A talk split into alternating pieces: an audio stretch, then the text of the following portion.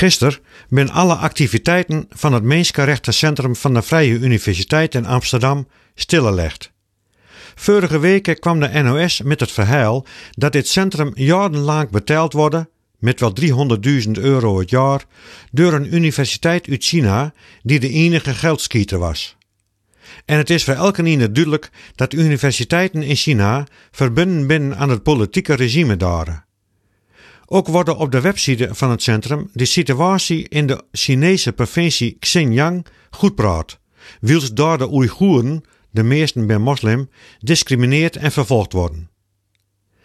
De Vrije Universiteit kunnen de vorige weken, na al dat gedoe, voordadelijk aan dat ze het geld dat ze kregen hadden van de Chinese universiteit weerom betalen zouden. Ze zaten om eens flink met de situatie in de magen.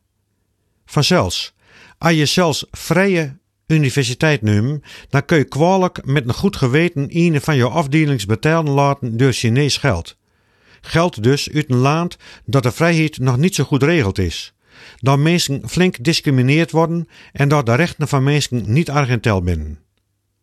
Dat weerom betalen van het geld moet trouwens nog even gedaan worden. Aan noto is er nog niks overmerkt naar China. Het voorgaande reup bij mij al een tal vragen op.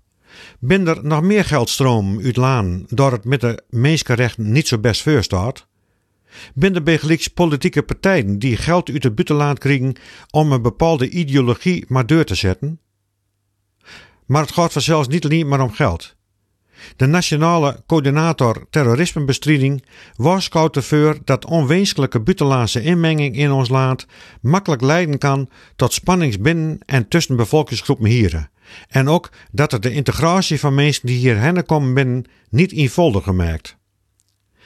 Maar de vraag die het meeste bij me hangen blijft is: geeft de Vrije Universiteit ook al het geld aan de Nederlandse overheid waarom dat ze de afgelopen tientallen jaren kregen hebben?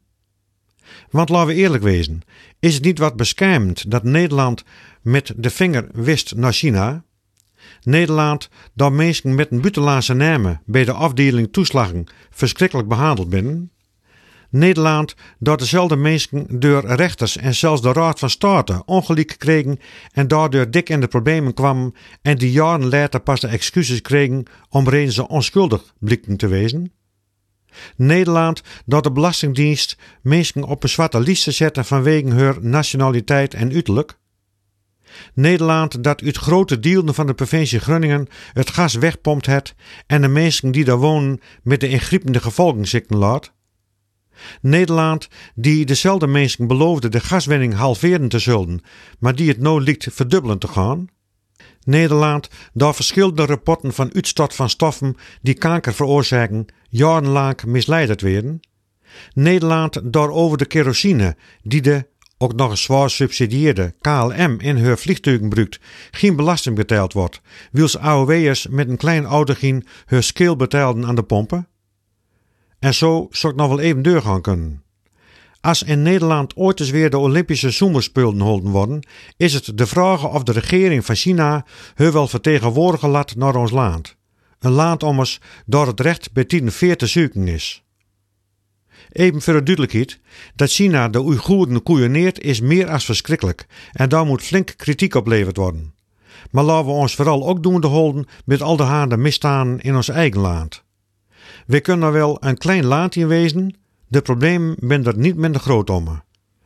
Als het kabinet nou eens begint zal en lossen eerst de problemen in eigen land op, dan zal duidelijk merkt worden kunnen waar een klein land toch groot in wezen kan.